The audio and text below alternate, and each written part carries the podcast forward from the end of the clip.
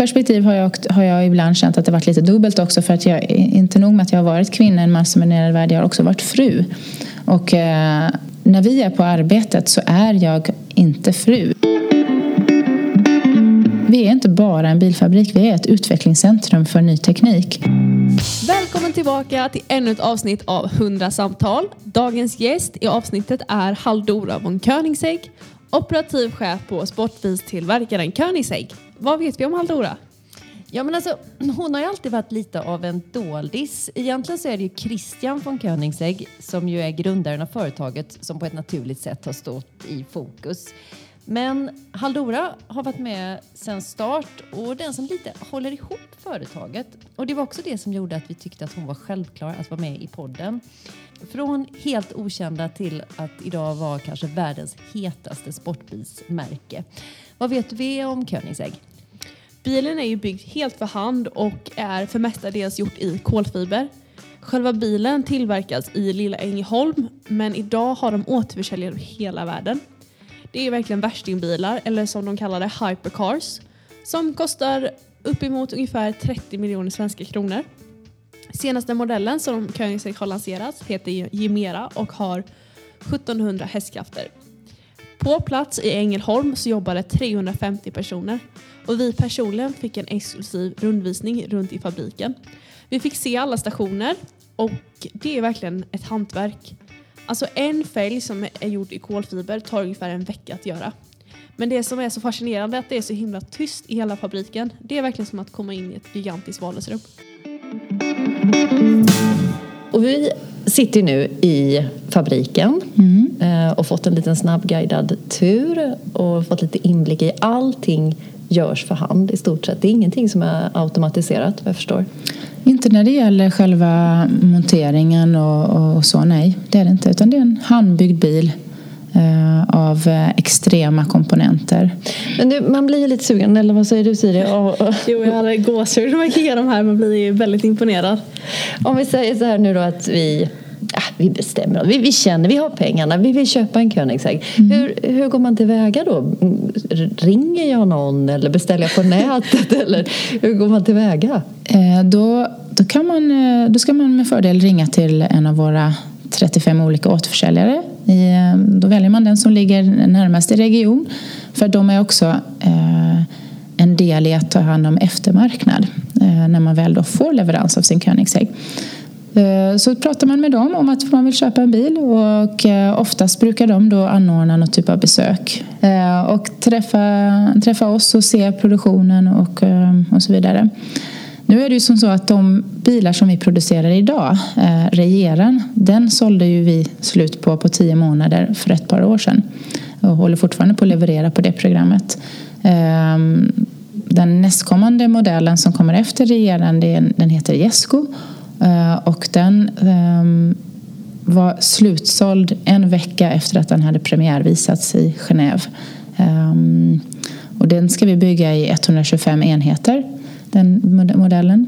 Och som sagt då är alla slutsålda redan. Så att, ehm, det man kan köpa i form av Koenigsegg idag är, eh, är en Gemera. Och eh, det är vår fyrsitsiga nya bil som vi visade upp i eh, mars i år. Sedan den lanseringen så har vi eh, börjat sälja bilar och tagit beställning på en tredjedel ungefär av de bilar som vi ska producera. Hur kommer ni fram till att så här många exemplar kommer vi att producera? Hur, hur går det? Ja, eh, vi har ju eh, ökat antalet eh, i den här begränsade serien för, eftersom att efterfrågan har varit stor på våra produkter. Och det är en balans. Vi får känna efter hur mycket som vi hur mycket marknaden efterfrågar och hur mycket som vi behöver producera för att klara av utvecklingskostnaden för det programmet.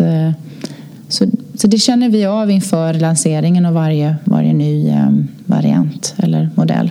I år är det 20 år sedan ni vet det, lanserade eller serietillverkade en mm. bil. Hur skulle du sammanfatta resan? Jag kommer ju väldigt väl ihåg den första billanseringen som vi gjorde år 2000. Det var eh, på Parismässan eh, två veckor efter att eh, jag och Christian hade gift oss.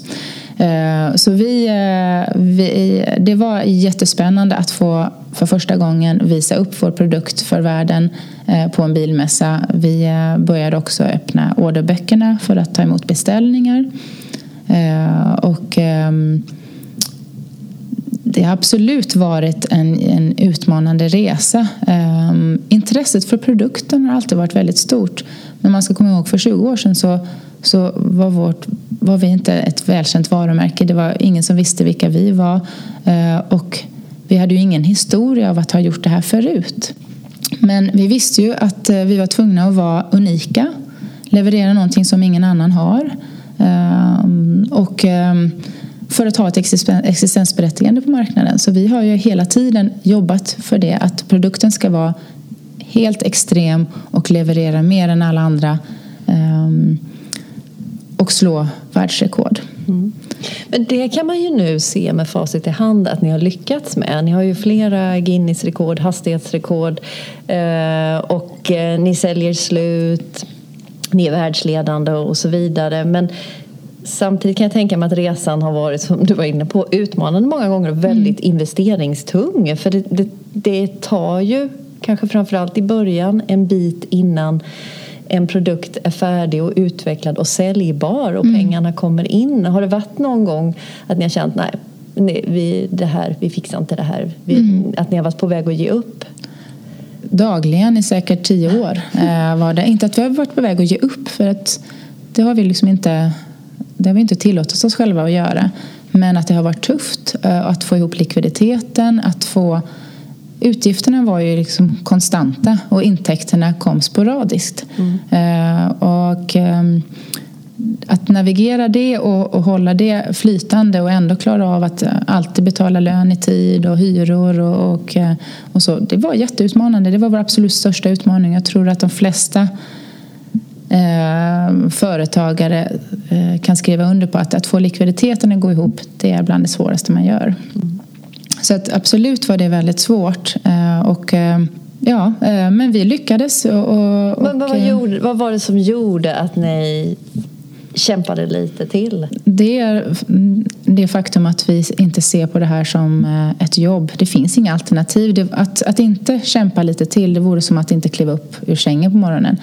Så nu har vi haft ett fantastiskt team också som har gjort det omöjliga möjligt. Eh, det här går inte att göra om du, om du har ett team som bara ser det här som sitt jobb och släpper pennan när, när klockan ringer och går hem. Utan det här handlar om att, att göra någonting som egentligen är omöjligt och då krävs det ganska omöjliga insatser. Alltså det, det krävs att du är villig att offra blod, svett och tårar och eh, göra lite, eh, lite extra hela tiden ganska jobbigt. Eh, och eh, jag kan personligen säga att jag har ibland känt att oj, gud så jobbigt. Eh, det här är så krävande och jag vet inte jag gör saker som jag aldrig har gjort förut. Jag kastar mig ut i, i, eh, i eh, områden där som är helt nya för mig.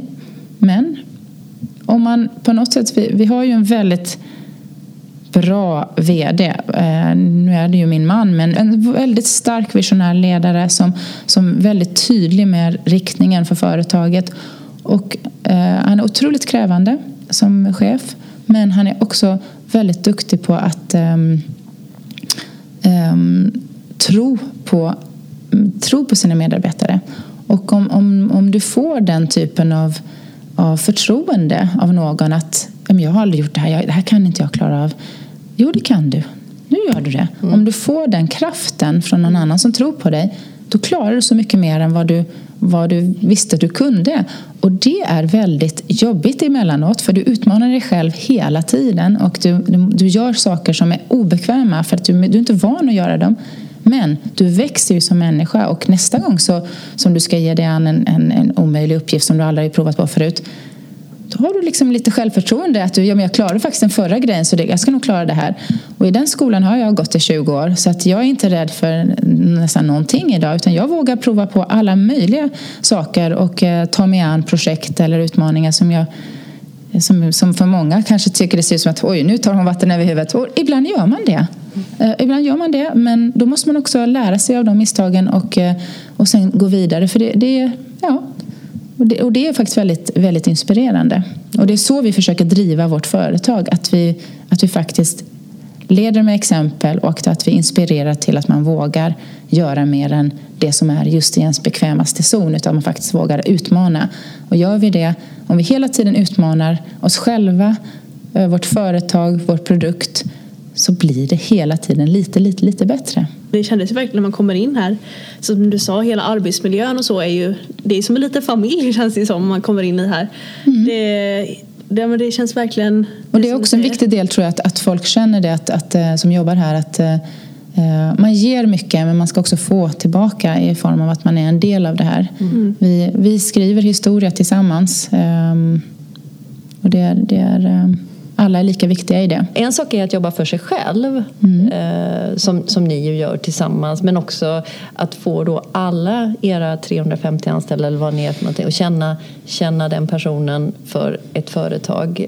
Och då är nyckeln det skulle du säga, som, alltså Christians ledarfilosofi, är det nyckeln för att få folk med sig? Jag tror det faktiskt att det är, eh, att det är, en, åtminstone en otroligt viktig del av det. Mm. Um, och jag tror väldigt många som jobbar här tycker att det är uh, att just få vara, med och skriva historia och göra de här omöjliga sakerna. Um, jag tror det är det som, som driver många att, att vara här. 2010 då kom mm. ju Koenigsegg Agera mm. um, som tog lite Koenigsegg till en ny nivå. Det liksom blev, ni snäppade upp i 960 hästkrafter eller något tror jag den hade då. Mm. Jag du har läst en artikel. Det var en ny prisfilosofi som ni hade då. Att lägga er lite högre och i och med det så hamnar ni i ett segment när ni inte hade några konkurrenter och plötsligt började ni sälja fler bilar. Var det så? Eh, eh, jag, tror inte riktigt det var så utan det var snarare så att, att eh, produkten också krävde det priset för att den hade annan teknik och, och eh, ännu mer utvecklad teknik som, som gjorde att vi, vi hamnade i ett annat segment. Um, våra bilar är jätte, eh, kostar mycket pengar, eh, det gör de. Men tittar man på, på konkurrenter och tittar man på den, den eh, teknik som går in, går in i de här bilarna så är det konstigt nog prisvärt. Det, det, kan verka konstigt när man säger miljonbelopp eh, i dollar men, men eh, den nya tekniken som vi utvecklar här, för vi, vi är inte bara en bilfabrik, vi är ett utvecklingscentrum för ny teknik. Och eh, jag brukar säga att, att vi, vi ska vara så otroligt tacksamma för att vi har teknikintresserade kunder som är villiga att betala för den här nya tekniken som, som då vi tar fram. Ett exempel är ju den här nya motorn vi har i den här Gemeran eh, som vi kallar för Tiny Friendly Giant eh, där vi har en um, kamaxellös motor eh, där vi har fria ventiler som vi då kan styra och eh, som då ger eh, som, som, som kan drivas på alternativa bränslen såsom alkohol eh, och som då kan ehm, bli minst lika effektivt ehm, som att till exempel köra en eh, en elbilslösning. Lika, lika CO2-neutralt som en elbil. Just det här som ni gör, att ni hela tiden liksom levlar upp mm. teknik. Har det varit viktigt liksom, att driva utvecklingen hela mm. tiden? Det är absolut eh, det, det viktigaste som vi, som vi gör, tycker vi. Att se till att, att hålla oss hela tiden i eh, framkant på, på teknisk utveckling. Eh, och jag tror det är också det som har byggt Koenigseggs varumärke. Eh, det finns andra, mm, andra bilföretag som är liknande segment som inte utvecklar den här mängden av ny teknik utan kanske mer jobbar med design och, och, och så vidare.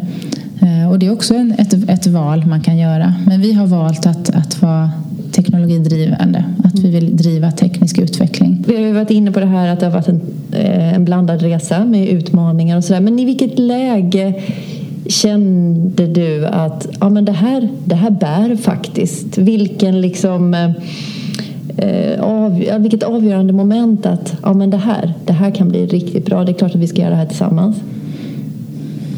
Konstigt nog så jag vet inte, det är inte sådana tankar jag har haft eller tänkt på det sättet utan det var bara ett, eh, ett livsval vi gjorde när vi gifte oss att, att prova på att jobba tillsammans. Och sen den dagen så har det liksom inte riktigt det har bara varit så eh, vi lever vårt liv. Eh, och eh, det är så pass utmanande och krävande att, att jag tror att det är bra. Och, vi, och jag och min man är faktiskt ett ganska bra team.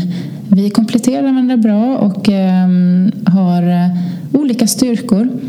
Eh, och, när man, och det har hjälpt också att kanske ha förståelse för varandra eh, i de olika skedena som vi har gått igenom. Eh, vi för, jag förstår att han kanske måste vara borta från familjen och göra någonting viktigt. Eller eh, han förstår att eh, jag har haft en jobbig dag på jobbet för att vi har inte fått betalt för den här bilen. Vi har kunnat förstå varandra och inte, eh, inte utmanat det där utan kanske stöttat varandra. Och när, när den ena har varit stark och den andra fått pausa lite och så har man kunnat hjälpa varandra i det. Så att, jag har faktiskt inte, aldrig, aldrig, aldrig, aldrig, aldrig tänkt i de banorna att det är bra eller dåligt. Utan det här är bara livet. Eh, och ibland är det livet kämpigt och ibland är livet härligt. Och, och det, det, är så det är. Och, och um, man får ta det, liksom det onda med det goda. Mm. Ja, det var precis det jag tänkte gå in på. Det här just att det är mer ett jobb och ni lever i det här 24-7 liksom. Men mm. hur funkar det ändå? Har ni några Königsfria timmar? Alltså lite semester eller hur, hur hur, gör ni, hur får ni det fungera ändå? För att ni är ju gifta och gör det här tillsammans. Mm. Är, det varit, är det svårt? Mm. Det är svårt. Ja. Det är svårt. Det är svårt att uh, separera det för det, det, det går inte. Det, den tiden som vi får som inte är uh, Koenigsegg det är ju med våra barn. Men idag är ju dessvärre också ganska mycket tid med vår äldsta son också Koenigsegg. Uh, vilket ju är både bra och dåligt. För att han är också så involverad i att producera content i våra alla sociala mediekanaler och så vidare. Så att vi jobbar ju mycket tajt med honom också. Och i och med att våra dagar är välfyllda av möten och leda 350 personer här på plats så, så eh, ibland är det ju bara kvällstiden man, när man är hemma eh, och hinner reflektera och, och, konversera kring olika saker som också får gå till detta. Och det låter ju som att oj gud, bara jobbar, jobbar ni bara. Men, men allt är ju inte jobbigt i jobbet utan en del saker är faktiskt trevliga att prata om och planera för och, och ehm, eh, resonera kring. Så att, om jag fattar rätt så var du egentligen inte bilintresserad från början? Nej. När du hoppade på det här? Nej, det var jag inte. Inte bilintresserad var jag inte. Eh, det tog mig många år att bli. Men man blir intresserad av det man jobbar med. Jag, innan jag började jobba eh, här på Koenigsegg så jobbade jag för min far i några år eh, som producerade trägolv. Och, eh, jag kunde väl aldrig tro att man skulle kunna bli intresserad av trägolv. Tycka det är så fascinerande och roligt. Men allt du lär dig om, allt du, allt du, eh, så, så, blir det intressant. Och, och eh, jag har faktiskt också, får jag säga, utvecklat ett, ett litet bilintresse idag. Men jag personligen tycker det är väldigt intressant för att det här är ju en sån superspecialiserad värld. Mm. Det här med tekniken och det är ju, alltså om man får säga det blir ju lite nördigt och väldigt så liksom liten värld om man säger så. Mm. Mm. Som dessutom är mansdominerad. Mm. Skulle du säga att det var svårt att ta plats i den här världen? Liksom? Eller? Jag har haft Christians stöd i ryggen alltid så att jag har tagit plats. Däremot så har jag nog eh, ibland känt av att vi eh, verkar i en mansdominerad värld och att jag har eh, att det finns folk som har försökt sätta mig på plats eller som har liksom kanske inte riktigt lyssnat in eh, och så vidare. Det har varit, eh, jag har behövt höja rösten och eh, ta, ta plats. Men i och med att jag har känt att jag haft stöd i ryggen här av att göra det så har det inte varit svårt. Eh, och jag har velat, det har inte varit liksom min utmaning egentligen utan ehm, det jag har reflekterat över tidigare är väl att jag hade kanske önskat i min i min karriärsbana hade jag önskat att, haft, att jag hade haft fler kvinnliga förebilder nära mig som jag hade kunnat ta hjälp av i hur jag skulle vara som ledare eller, eh, eller liknande. För att de flesta av de personer i min närhet har ju då varit män.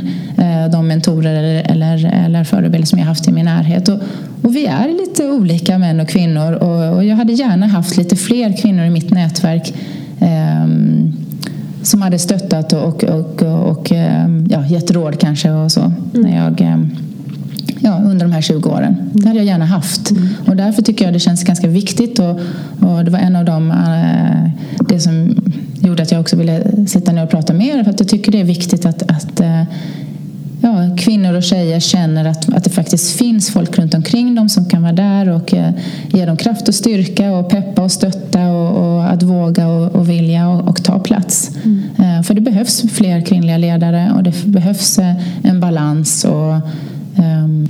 Om du tittar tillbaka nu då, om du skulle ge dig själv råd mm. till den unga Hallora. Mm. Hur hade mm. du, vad hade du gett dig själv för råd? Liksom bara, det här skulle jag tagit med mig på min resa. Um, lyssna på dem som peppar och stöttar och försöka och, och, och, och inte, inte bli så sårad av, av eh, alla andra. Ehm, det räcker med en eller två eh, starka Eh, stödpersoner egentligen. Eh, för, för att, eh, och, och, man kan, om man kan klara av och, och, och, lyssna in det. För det, det är det här bruset runt omkring, de där småpikarna, den här känslan av att i mitt perspektiv har jag, har jag ibland känt att det varit lite dubbelt också för att jag, inte nog med att jag har varit kvinna i en mansdominerad värld, jag har också varit fru.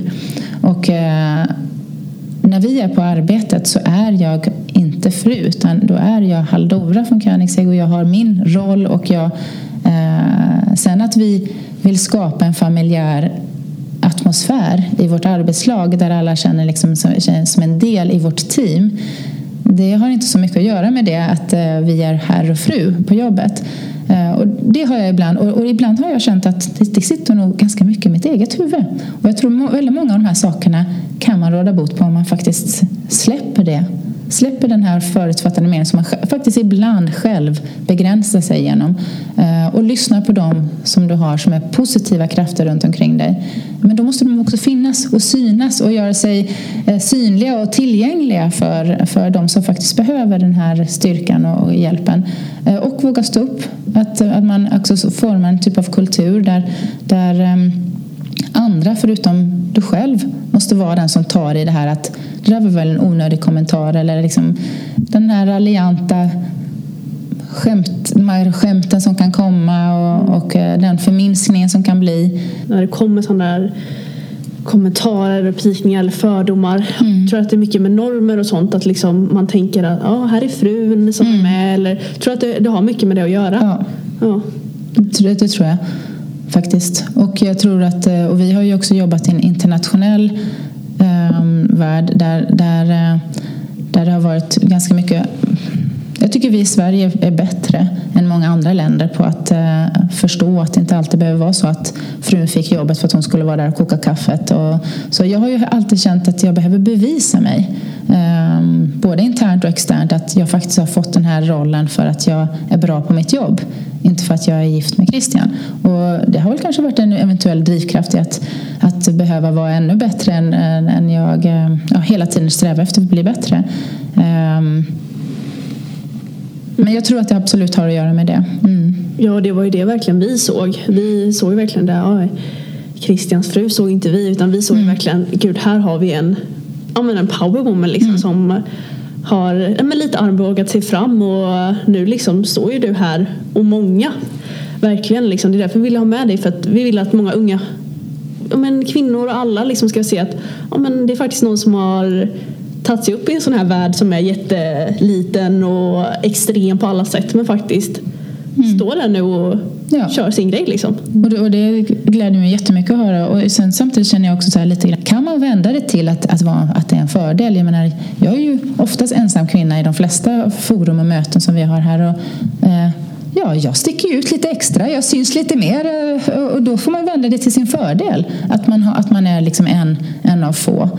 Sen tycker jag att man ska inspirera till att vi blir fler. Eh, men, men antingen kan man sitta bittert och titta på livet och tycka synd om sig själv och tycka att eh, oj stackars mig och alla andra är dumma. Eller så ser man till att man tillåter inte att andra är dumma mot dig utan du lyssnar inte på sånt trams utan du, du vänder det till någonting som är positivt. Och, Ehm, det går faktiskt. Och det, man kan ställa krav på sin organisation, på sin chef, på sin omvärld. Att när jag är i den här situationen så vill jag att ni backar mig. Jag vill inte höra den här typen av eh, kommentarer. Det här är inte skoj för mig.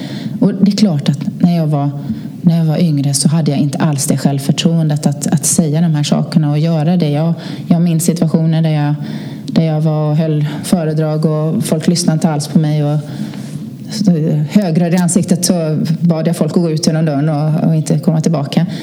Men, men man, måste ta, man måste våga ta den platsen. Man måste våga stå upp för det man själv tycker är rätt och fel. Och har man då folk runt omkring sig som, som guidar dig till att, att det är faktiskt... För det, det är ju just det här, du vet ju inte om är det mig, är det jag som har gjort något fel eller är det de som har gjort fel eller vad, vad triggade det här skämtet? Du blir osäker mm. eh, när du är ung och inte vet. Och då om det finns då folk runt omkring dig som, som kan stötta och säga nej men det där ska du inte stå för, det där måste du ta itu med. Nu får du peka med hela handen och säga att det här så ska det inte vara.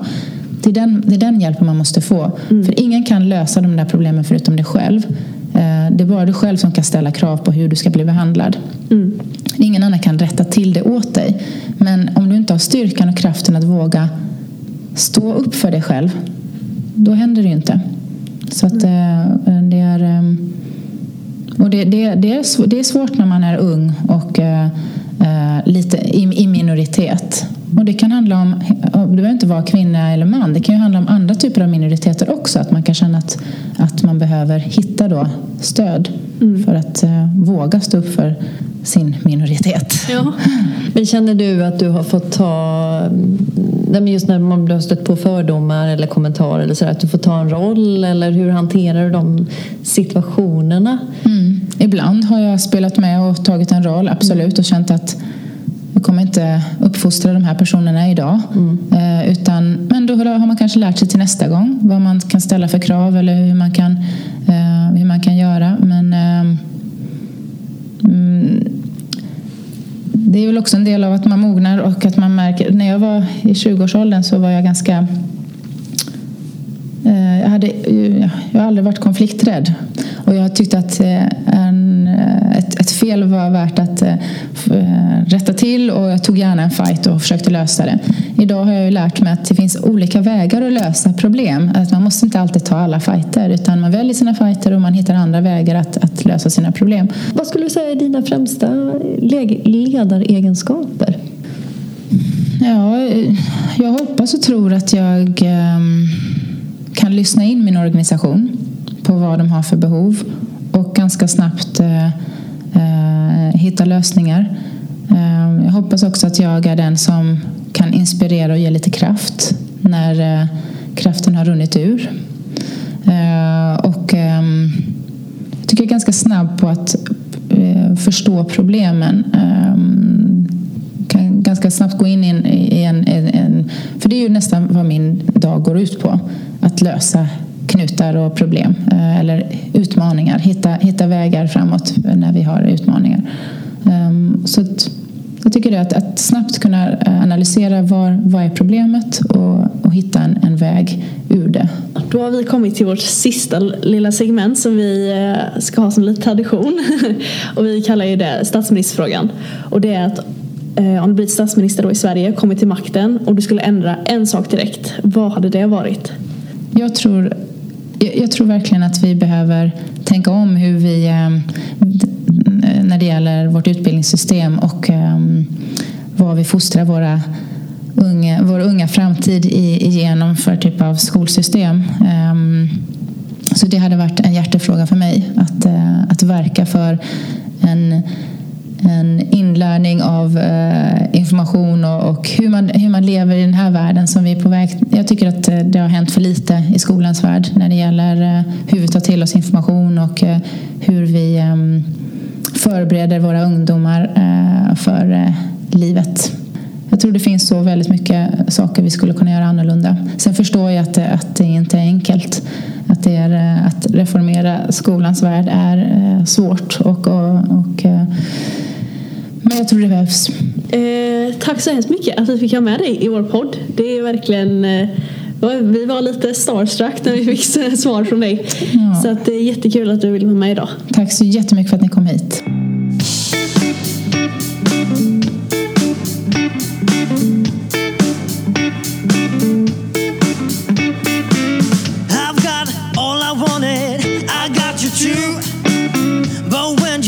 Me baby. My heart turned blue. I don't know where I'm going, I'm falling free, losing all my feelings. I